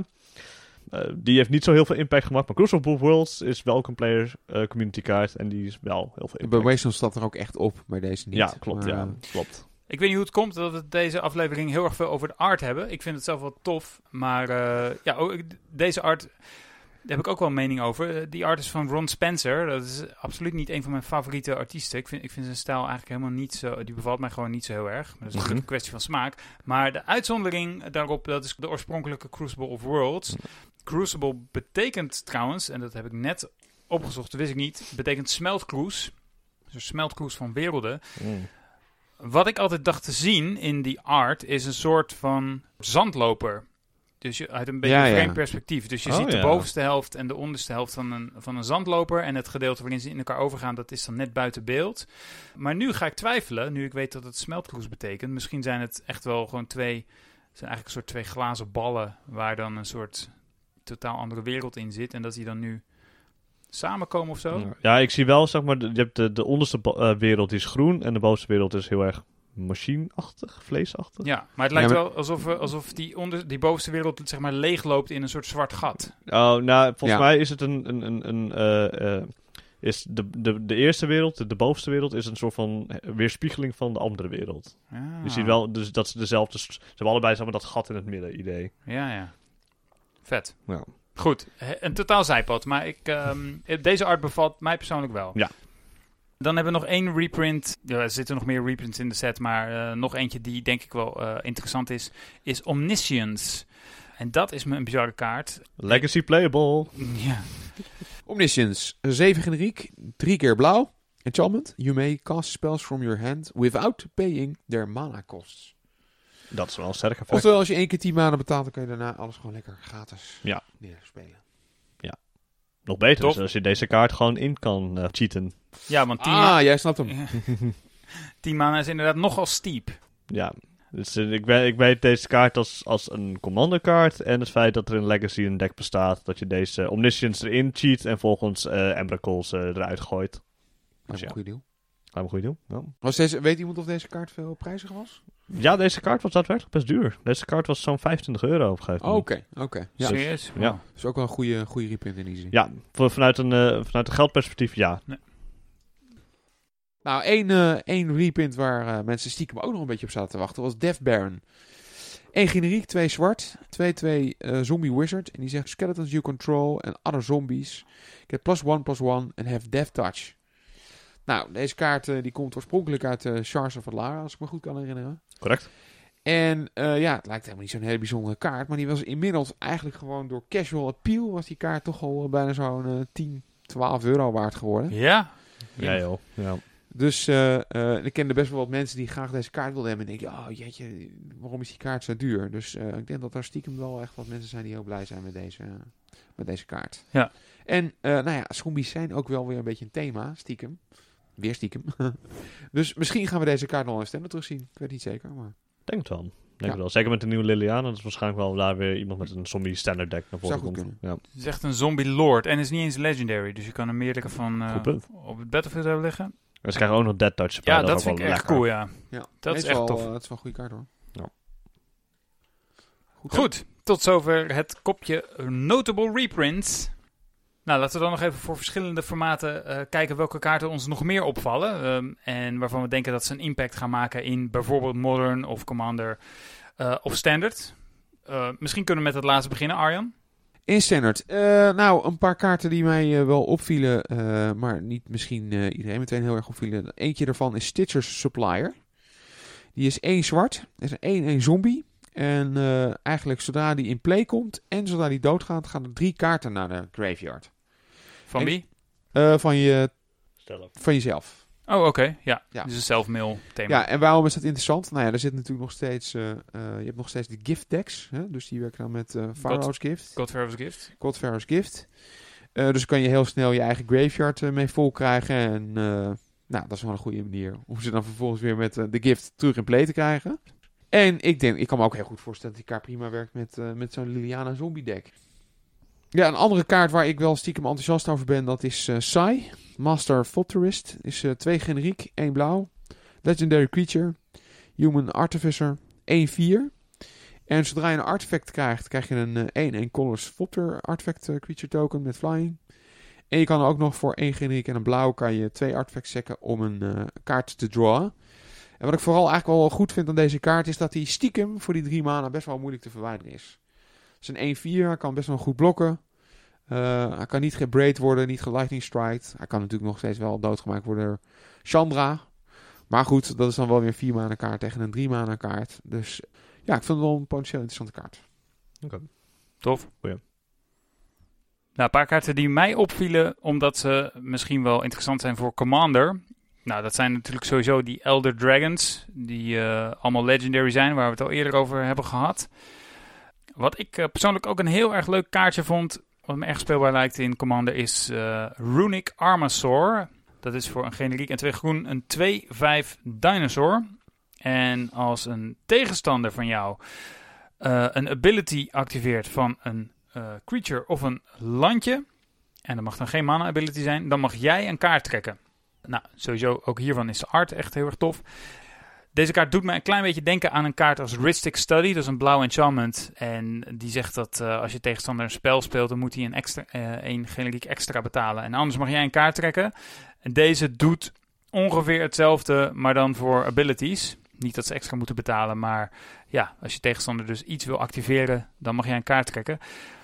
Ja, dat, dat soort effecten werken gewoon supergoed in Commander. Je hebt altijd meerdere tegenstanders en eh, dat wekt altijd behoorlijk wat ergernis op rond eh, de tafel. Dat één iemand de hele tijd kaarten zit te trekken, omdat anderen gewoon hun spel aan het spelen zijn. Eh, en het is ook nog eens een eh 2-5, dus dat betekent dat hij best wel lastig dood te krijgen is. Want een Lightning Bolt ja, doet maar drie schade, daar gaat hij niet dood aan. En hij kan ook nog eens goed blokken. Ja, ik vind, het, ik vind het een erg leuke kaart. Zo grappig dat hij een beetje past in een soort van trend waarin eh, ze groen steeds meer card draw geven. Ja. Het lijkt wel dat groen oorspronkelijk volgens mij zo'n beetje de kleur was met de minste card draw. Maar ik denk dat het nu naast blauw eigenlijk wel de meeste kaarten trekt. Ja. Dat is wel vrij opmerkelijk. Ja, ja, goed punt. Andere kaart die ik erg tof vind en die ik ook meerdere keren eh, eh, ga bestellen. Dat is een kaart, eh Arjen, die jij in je Steelpool had. En dat is Cleansing Nova. Ik zal hem nog even kort beschrijven. Eh, dus voor drie generiek en twee wit. Choose one, destroy all creatures of destroy all artifacts and enchantments. Dit is echt de board wipe waar ik in elk geval persoonlijk naar op zoek was. Ik weet niet of eh, andere Commander-spelers deze ook gaan spelen, maar ik vind het echt eh, geweldig dat je gewoon kan kiezen uit die twee modes. Specifiek deze mode ook. Want vaak in een Commander game ja, zit je gewoon echt eh, te wachten op die ene kaart waarmee je alle creatures kan verwijderen. Maar soms eh, liggen er ook een heleboel problematische enchantments of artifacts op tafel. En wil je juist die ehm, verwijderen. Ja, ik vind het gek dat je met deze kaart gewoon die keuze hebt. En dan wil ik best één mana meer betalen dan eh, een Damnation of een eh, Wrath of God. Dus eh, ja, dit is een kaart die ik in elk geval in al mijn witte decks in Commander ga spelen. Dave, ik weet niet of jij nog buiten de kaarten die we net hebben besproken voor Modern, dat je nog dingen ziet waarvan je denkt, die gaan het goed doen. Er zijn een aantal kaarten die ik wel even wil bespreken, waarvan heel men zegt, claimt, dit gaat veel impact maken in Modern. Dat zijn in dit geval de, de Emana Narrow antwoorden. We hebben net Alpine Moon al even kort besproken. Maar er zijn er nog twee. Eh, dat is Isolate, 1 wit, instant, exile target, permanent, convert mana kost 1. Ja, heel specifiek, ja. Dus heel narrow inderdaad. Maar wel een, een het is trouwens elke permanent, dus niet alleen creature. Dus dat maakt het al een stuk beter. Nee, ja, je kan ook bijvoorbeeld een Aethervial ermee eh, opruimen. Ja, ja, of een expedition map. Of eh, dat soort, dat soort eh, kaarten. En Ja. dat kun je mee exilen. Noble Hierarch. Ja, precies ja. ja. En de andere kaart die, waar, die, die er ook tussen past is Infernal Reckoning. 1 zwart, instant, exile target, colorless creature, you gain life equal to its power. Oh ja. Dat zijn hele, hele narrow kaarten waarvan eh, wordt gezegd, ja, deze kunnen wel eens een impact maken in Modern. Tegen Maar- wat voor deck zou die goed zijn? Nou ja, Isolate inderdaad hebben we al net besproken. Maar Infernal Reckoning is dan voornamelijk eh Eldrazi decks. Eh, want je kan elke... En Affinity. Eh, die kun je daarmee voor één zwart kun je daar... eh, en heel veel leven krijgen vaak. En eh, je bent gewoon een creature gewoon kwijt. Dus maar sideboard kaarten Ik vind waarschijnlijk? het eigenlijk wel vooral echt... Het, want tegen Affinity heb je natuurlijk niet... eh, er zijn wel meerdere antwoorden mogelijk. Ja. Dat ze niet zo groot zijn. Ja. Ik denk het eigenlijk echt vooral tegen Eldrazi bedoeld is. ja. ja. Sterker nog, trouwens, als Ja. ik wat beter naar het plaatje ga zitten kijken... Zie je in Eldrazi. dan zie je ook een Eldrazi, toch? Klopt, ja. Je hebt Ja. gelijk. Ja. Wat vet. Van welke ja, kaart? Van eh, die, Infernal eh, Reckoning. Oh, cool. Het probleem wat ik met deze kaart heb, is dat ze heel erg... Dat ze te, waarschijnlijk te narrow ook zijn voor Modern. Modern is heel breed. En je wilt niet je kostbare sideboard kaarten... ehm, Je sideboard Eh, spot. Ja, ja, inderdaad. Sideboard slot. Slots inderdaad met deze kaart eh, kaarten opvullen. Want ja, Ja, dan Duidelijk. tegen, tegen de helft van de, meer dan de helft van de format is die gewoon, zijn ze gewoon slecht. Ja. Als je weet dat drie van de tien mensen Eldrazi speelt, dan is deze kaart prima. Ja. Maar tegen een gemiddeld veld waar iedereen echt van alles speelt, dan is, Ja. kan je bijna gewoon niet permitteren om een kaart te spelen die zo narrow is. Ja, maar dat inderdaad, ja. Dus eh, ik verwacht ook niet dat deze drie kaarten, dus Isolate, Infernal Reckoning en Alpine Moon, een hele grote impact gaan maken. Ja, nog een modern kaart, of een mogelijke modern kaart die mij opviel, was eh, Remorseful Cleric. Ah, Ja, Eén generiek, één wit. Creature, Spirit Cleric, 2-1 Flying. Maar wel belangrijk dus dat het een Spirit is. En die zegt Sacrifice, Remorseful Cleric, Exile all cards from target player's graveyard. Nou, we hebben al gezien, Spirits is eigenlijk al een beetje een deck. Het is geen tier 1 deck, maar ik heb mensen het er best wel goed mee zien doen. Ja. En dit is dan toch alweer ook een kaart die, eh, die toch weer extra eh, antwoorden genereert. Het is ook een effect dat ze nog niet hadden. Ja, wat heel belangrijk is. En eh, weet je, het, is ook een, ja, het, het blijft gewoon een 2-1 vlieger die, eh, die ook eh, ja, gewoon nut heeft bij het feit dat het een spirit is. Ja.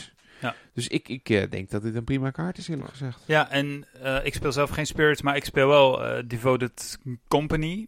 En ik, eh, ik ben ook van plan om deze in mijn sideboard te gaan spelen als, eh, als Graveyard haat. Ja, ik doe dan verder niks met Spirits, maar dit is echt een perfect target eh, voor eh, Court of Calling. Als je snel moet reageren op iemand die een Snapcaster Mage speelt of iets dergelijks, dan kun je de, gewoon op instant speed de hele Graveyard verwijderen. Dus ik ga deze kaart zeker uitproberen. En ik heb ook het idee dat ze spirits met deze set een klein beetje aan het pushen zijn. Want er zit ook nog een Spirit Lord Ja. in de set. En dat is ehm, ben hem nu echt heel hard aan het opzoeken. trouwens. Phantom. Twee. Supreme Phantom. Ja. Supreme Phantom, een blauwe vlieger. Eén generiek, één blauw. Ja. Flying, other spirits you control get plus one, plus one, 1-3.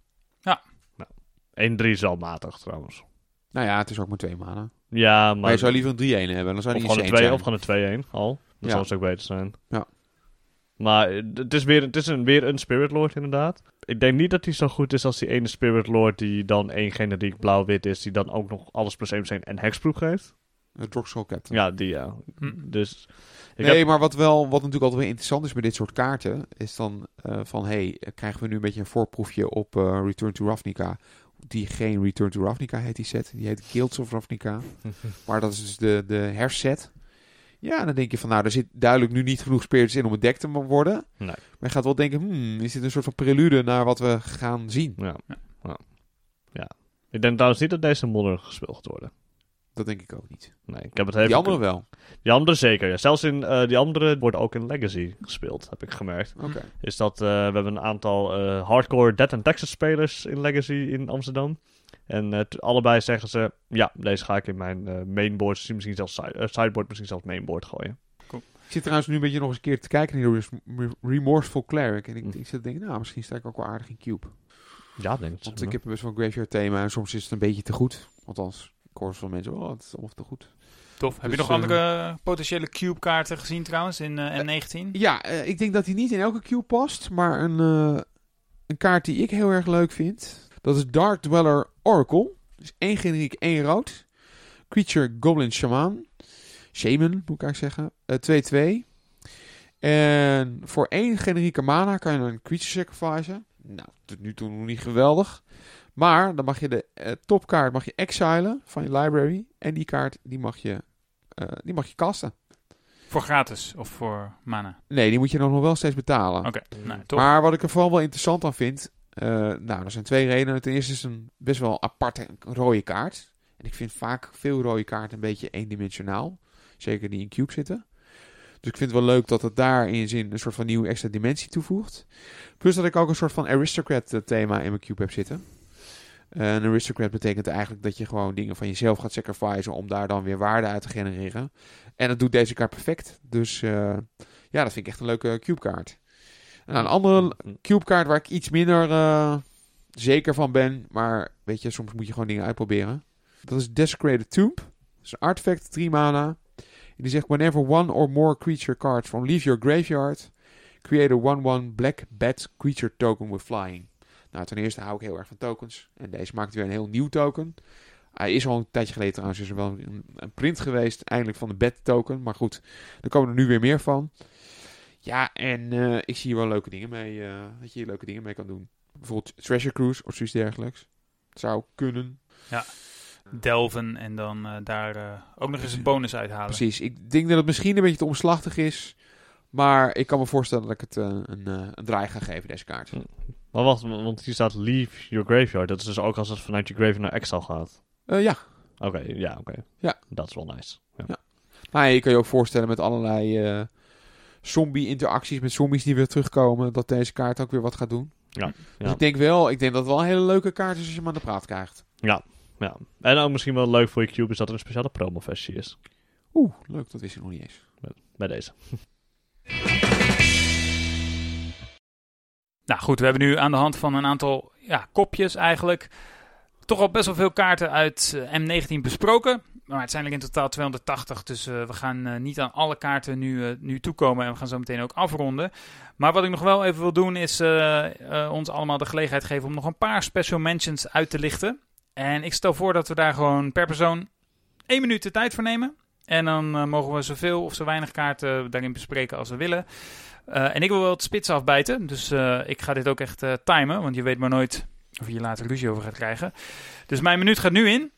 Eh, ik wil eigenlijk drie kaarten bespreken. En de eerste is Wall of Mist. Dat is eh, voor een generiek en een blauw. Een 05 Defender. Een wall. En dat is het. Het is gewoon een vanilla creature. Maar wat me heel erg dwars zit aan deze kaart, dat is eh, de, de, de flavor. Ehm, er staat een boot op die kaart en een, ja, inderdaad een soort van eh, muur van mist. Nou, prima. Maar de flavortekst is: eh, The seafloor is flecked with the bones of fools who dare to sail into the mist. Maar het is een 0-5 creature, dus die doet zelf helemaal geen schade. En dan vraag ik me af hoe dan creatures doodgaan en op de bodem van die zee belanden. En ik vind dat een soort flavor fail. Goed, ehm, tweede kaart is Arcane Encyclopedia. Voor drie mana, eh, voor drie generieke mana een, eh, een artefact. En voor drie en tap mag je een kaart trekken. Nou, vind ik gewoon een hele mooie, clean card draw engine. En ik denk dat die in zo'n langzaam formaat als dit heel goed is. En de derde is uh, Suspicious Bookcase voor 2, een defender. En voor 3 en tap mag je target creature uh, unblockable maken. En ik vind daar de flavor echt heel erg vet van. Uh, want het is een suspicious bookcase. En je ziet op het plaatje ook echt zo'n uh, zo'n uh, boekenkast waar een geheime deur achter zit. Vind ik gewoon super mooi. Oké, okay, nu heb ik er um, 1 minuut 16 over gedaan. ja, sorry, maar het was ook de eerste keer. Dus nu krijgen we ruzie. Nu krijgen we. Nu ja, nu, nu hebben we inderdaad een reden voor ruzie. Of ik, of ik ga gewoon in de montage even 15 seconden precies eruit uh, knippen. En, power of editing. Ja, de power of editing. Eigenlijk vind ik dat wij nu gewoon 16 seconden minder hebben. Dave okay, heeft zo meteen uh, nog echt twee seconden over. Als ik nee, nee, nee, nee we gaan nu met Dave. We gaan maar kijken hoeveel Dave nog aan mij overlaat. Oké, okay, goed. Uh, Dave, ben je er klaar voor? Ja hoor. Mm, jouw minuut gaat nu in. Ja, ik wil de, de, kaart die we nog niet hebben besproken. Uh, van de cycle van Elder Dragons hebben we nog Chromium the Mutable. Voor 4 generiek, uh, 1 wit, 1 blauw, 1 zwart. Oftewel Esper kleuren. krijg je een 7-7 flyer. Uh, met de volgende behoorlijke regels en tekst. Heeft flash. De, waardoor je dus aan het einde van de beurt in kan spelen. Hij kan niet gecounterd worden. Altijd lekker. Maar het belangrijkste is in dit geval is hij dat, dat is zichzelf ook goed beschermd. In dit geval discard een kaart. Aan het einde van de, tot het einde van de beurt wordt het een 1-1 human met hexproof. En hij kan niet geblokt worden. Uh, waardoor je, um, als je dit in een control deck zal spelen, waar die 100% ingespeeld gaat worden, dus heel lastig vanaf te komen is. En ik denk dat deze best wel een impact gaat maken in standard. En ik vind het zelf ook wel een heel mooi, sleek en flavorable design. En als laatste ben ik heel erg blij natuurlijk dat Colossal Dreadmaw weer terug is in uh, deze set. Onze oude bekende. Ooit geprint in X-Land en nu ooit van 4, 5 keer gereprint. Ik vind het prachtig. Wauw, netjes Dave. Je hebt nog uh, één seconde over. Topper. En toen je nog 10 seconden over had, toen zag ik je eventjes op de timer kijken. En toen dacht je, ik ben eigenlijk al klaar, maar ik heb nog 10 seconden over. Ik ga gewoon nog over Colossal Dreadmaw praten. Ja. Heel nice gedaan. Ik, ik, ik heb geen zicht op de timer, zeg ik alvast bij. Oh ja, je hebt geen zicht. Zal ik hem gewoon in het midden leggen? Ja, prima. Oké, okay, uh, even kijken. We leggen de timer in het midden en de minuut van Arjan gaat nu in. Oké, uh, één kaart waar ik het nog over wil hebben is Liliana's Contract. Als misschien wel de meest flavorvolle kaart van deze set. Drie generieke, twee zwart en enchantment. When Liliana's Contract enters the battlefield, you draw four cards and lose four life. At the beginning of your upkeep, if you control four or more demons with different names, you win the game. En waarom is deze kaart nou zo bijzonder? Nou, er is een verhaal. En ik kan het niet helemaal vertellen binnen deze tijd. Maar Liliana die heeft zeg maar ooit het eeuwige leven gekregen door een contract wat ze met vier demons heeft afgesloten. En uh, eigenlijk heeft ze al die demons inmiddels afgeslacht. En daar gaat deze kaart over. Dus uh, dat vind ik een hele flavorvolle kaart. Hm. Nou, je hebt nog 23 seconden om het hele verhaal te vertellen. Nou, dat, dat gaan we niet meer redden. Uh, ik zie nog een andere kaart naast staan, die ook wel leuk is. Spitflame doet een beetje denken aan een oude kaart Rekindle. Uh, Spitflame deals 4 damage to target creature, and whenever a dragon enters the battlefield under your control, you may pay 1 red mana. If you do, return Spitflame from your graveyard to, to your hand. Vind ik ook een flavorvolle kaart. Het is dat ik die tijd heb. En nee. Cool. Nou, dat waren drie minuten plus nog 16 seconden die ik uh, erbij heb gedaan. Tijd om toch even de balans op te maken. Wat, uh, wat vinden we tot nu toe van, van de set? Jullie hebben er zelfs al mee gespeeld.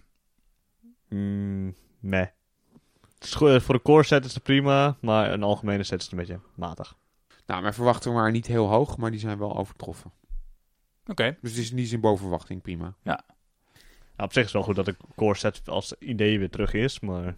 Is dat zo? Ja, ik denk, nou, zoals ik zei, de, de, de, het, is, het is een goede set voor nieuwe spelers om in te stappen. En ik ben blij dat zo'n set ook bestaat. Ja, maar ik snap eigenlijk nog steeds niet zo goed. Dat was het argument van: hé, hey, we hebben producten voor beginners bedacht. Nou, dat werkte niet. Dus we gaan nu weer een set maken die dan door elke speler gespeeld moet worden. Dus ook door de meer ervaren spelers. Ja, ik snap eerlijk gezegd niet dat ze er niet in geslaagd zijn om dan een beter beginnersproduct te maken. Maar goed. Op die manier, ja. Nou, ze hebben wel, ja oké, dat, dat klopt. Ze hebben wel geprobeerd om het iets leuker te maken voor de ervaren spelers. Door nou, dat is ook wel gelukt. Daar ben ik eerlijk in. Ik vind het een, ik vind het een oké set. En wat ik trouwens ook nog wel leuk vond vandaag. Dominaria was best wel een ingewikkelde set. Hè. Er moest, zaten veel beslissingsmomenten in, vond ik althans, over het algemeen. En nou, nou speel ik meestal ook een beetje van die grindy decks. En vandaag had ik wat simpeler deck. En dat was ook wel eens lekker. Eigenlijk. Weet je, oh, ik hoef niet zoveel na te denken. De games duurden vandaag allemaal vrij kort. Echt, het was Ja. één ronde. Er waren 75 spelers in twee klaveren. En er was één ronde, die was 12 minuten voor tijd, was iedereen klaar. Ja. Terwijl het wel een langzaam Dat formaat is. Dat is nog het hele Ja. grappige. Ja. Dat is heel opmerkelijk. ja. ja. Nee, klopt. Ja, daar was onze, onze organisator eh, Jan Jaap was er ook heel erg verbaasd over, inderdaad. Ja. Maar, Jeroen, wat vind je van de set? Nou, ik, ik denk dat ik toch wel blij ben dat de core set weer terug is. Maar ik moet zeggen, de laatste keer dat er een core set uitkwam, toen was ik wel aan Magica, maar was ik niet zo bewust bezig met eh, draften en met standard enzovoort. Hield ik niet echt bij eh, ehm, wat een core set nou een core set maakte. Eh, ik heb wel het idee dat deze een beetje van verschillende gedachten aan elkaar hangt. Vertelt dan toch wel weer een klein beetje een verhaal met die draken. En er zitten wat ehm, kaarten in die Buzzards dan kennelijk nodig vindt voor ehm, Modern bijvoorbeeld of voor andere formats. En het is een beetje complex en het is toch ook weer voor beginners. Mm, maar ja, het voelt een beetje als een voor elk wat wils Trouwens, set. Wat ik trouwens vergeten ben te, te vertellen, eh, besef ik nu, is dat ehm, deze kaarten zijn eigenlijk een bijeengeraapt zootje van kaarten die niet de, de sets hebben gehaald. Je ziet heel veel dingen die zijn geleend van, van voorgaande sets van de afgelopen jaren. Vandaar denk ik dat er ook misschien wel van de Spirit tussen zit. Dat hoort eigenlijk nog bij Innistrad. Dat dus- weet je of dat denk je? Nee, dat is zo. Oh, grappig. Dat is zo. Dus in die zin wordt het ook wel heel spannend om te kijken hoe ze volgend jaar dan zo'n core set gaan vullen. Want dit zijn eigenlijk meer of meer gewoon vier jaar weggegooide ontwerpen. En hoe ga je dat... eh, nou ja, dat kunnen ze niet nog een keer doen. Nee. Dus ik ben wel benieuwd hoe ze dat eh, volgend jaar gaan invullen. Benieuwd naar M20 nu al. Ja, en dan heb je nog iets van ons te goed, want in aflevering 12 hadden we een speciale actie. Je maakt de kans op een boosterbox Dominaria. En eh, de winnaar daarvan, die gaan we nu bekendmaken. Eh, sterker nog, we gaan de winnaar nu ook eh, nog even bepalen. Dat gaan we op een heel officiële manier doen. We hebben alle mensen die aan de voorwaarden van deze winactie voldoen, hebben we in een hoge hoed gegooid. En daar gaan we nu iemand uittrekken met een random number generator van Google. Dus gaan allemaal super officieel. En die ga ik nu aanzetten. En de winnaar van de Boosterbox Dominaria, ter beschikking gesteld door de DGN-groep, is geworden, geheel random bepaald door de random number generator van Google, Frank Bouwmeester. Gefeliciteerd! Gefeliciteerd Frank. Frank Bouwmeester, van harte gefeliciteerd. Wij gaan jou contacteren over eh, hoe we deze boosterbox jouw kant op gaan krijgen. Eh, wat je ook kan doen is gewoon zelf ons eventjes een bericht sturen natuurlijk met je adresgegevens. Maar eh, wij gaan dat van ons uit proberen en dan komt hij zo snel mogelijk jouw kant op. Dus hartelijk dank voor het eh, delen van onze berichten en het luisteren naar Studio Magic. En heel veel plezier met deze boosterbox. En met deze spannende ontknoping van deze winactie is de 15e aflevering van Studio Magic alweer voorbij. Wil je meer horen? Wij zijn te vinden in iTunes en in Spotify. En daarnaast ook in Stitcher, TuneIn en in andere populaire podcast-apps. Zoals het nieuwe Google Podcasts. Je kunt je daar gratis abonneren en eerdere afleveringen beluisteren. En die afleveringen kun je natuurlijk ook afspelen via onze eigen website. En dat is studiomagicpodcast.nl. Verder doe je ons een groot plezier als je ons volgt op Twitter of liked op Facebook. En daar kun je ons ook vragen stellen of feedback geven. Op beide sociale netwerken heten we Studio Magic NL. De muziek die je hoorde is de track Surf Shimmy van Kevin MacLeod onder een Creative Commons licentie. Meer informatie daarover in de show notes. Bedankt voor het luisteren en tot de volgende Studio Magic.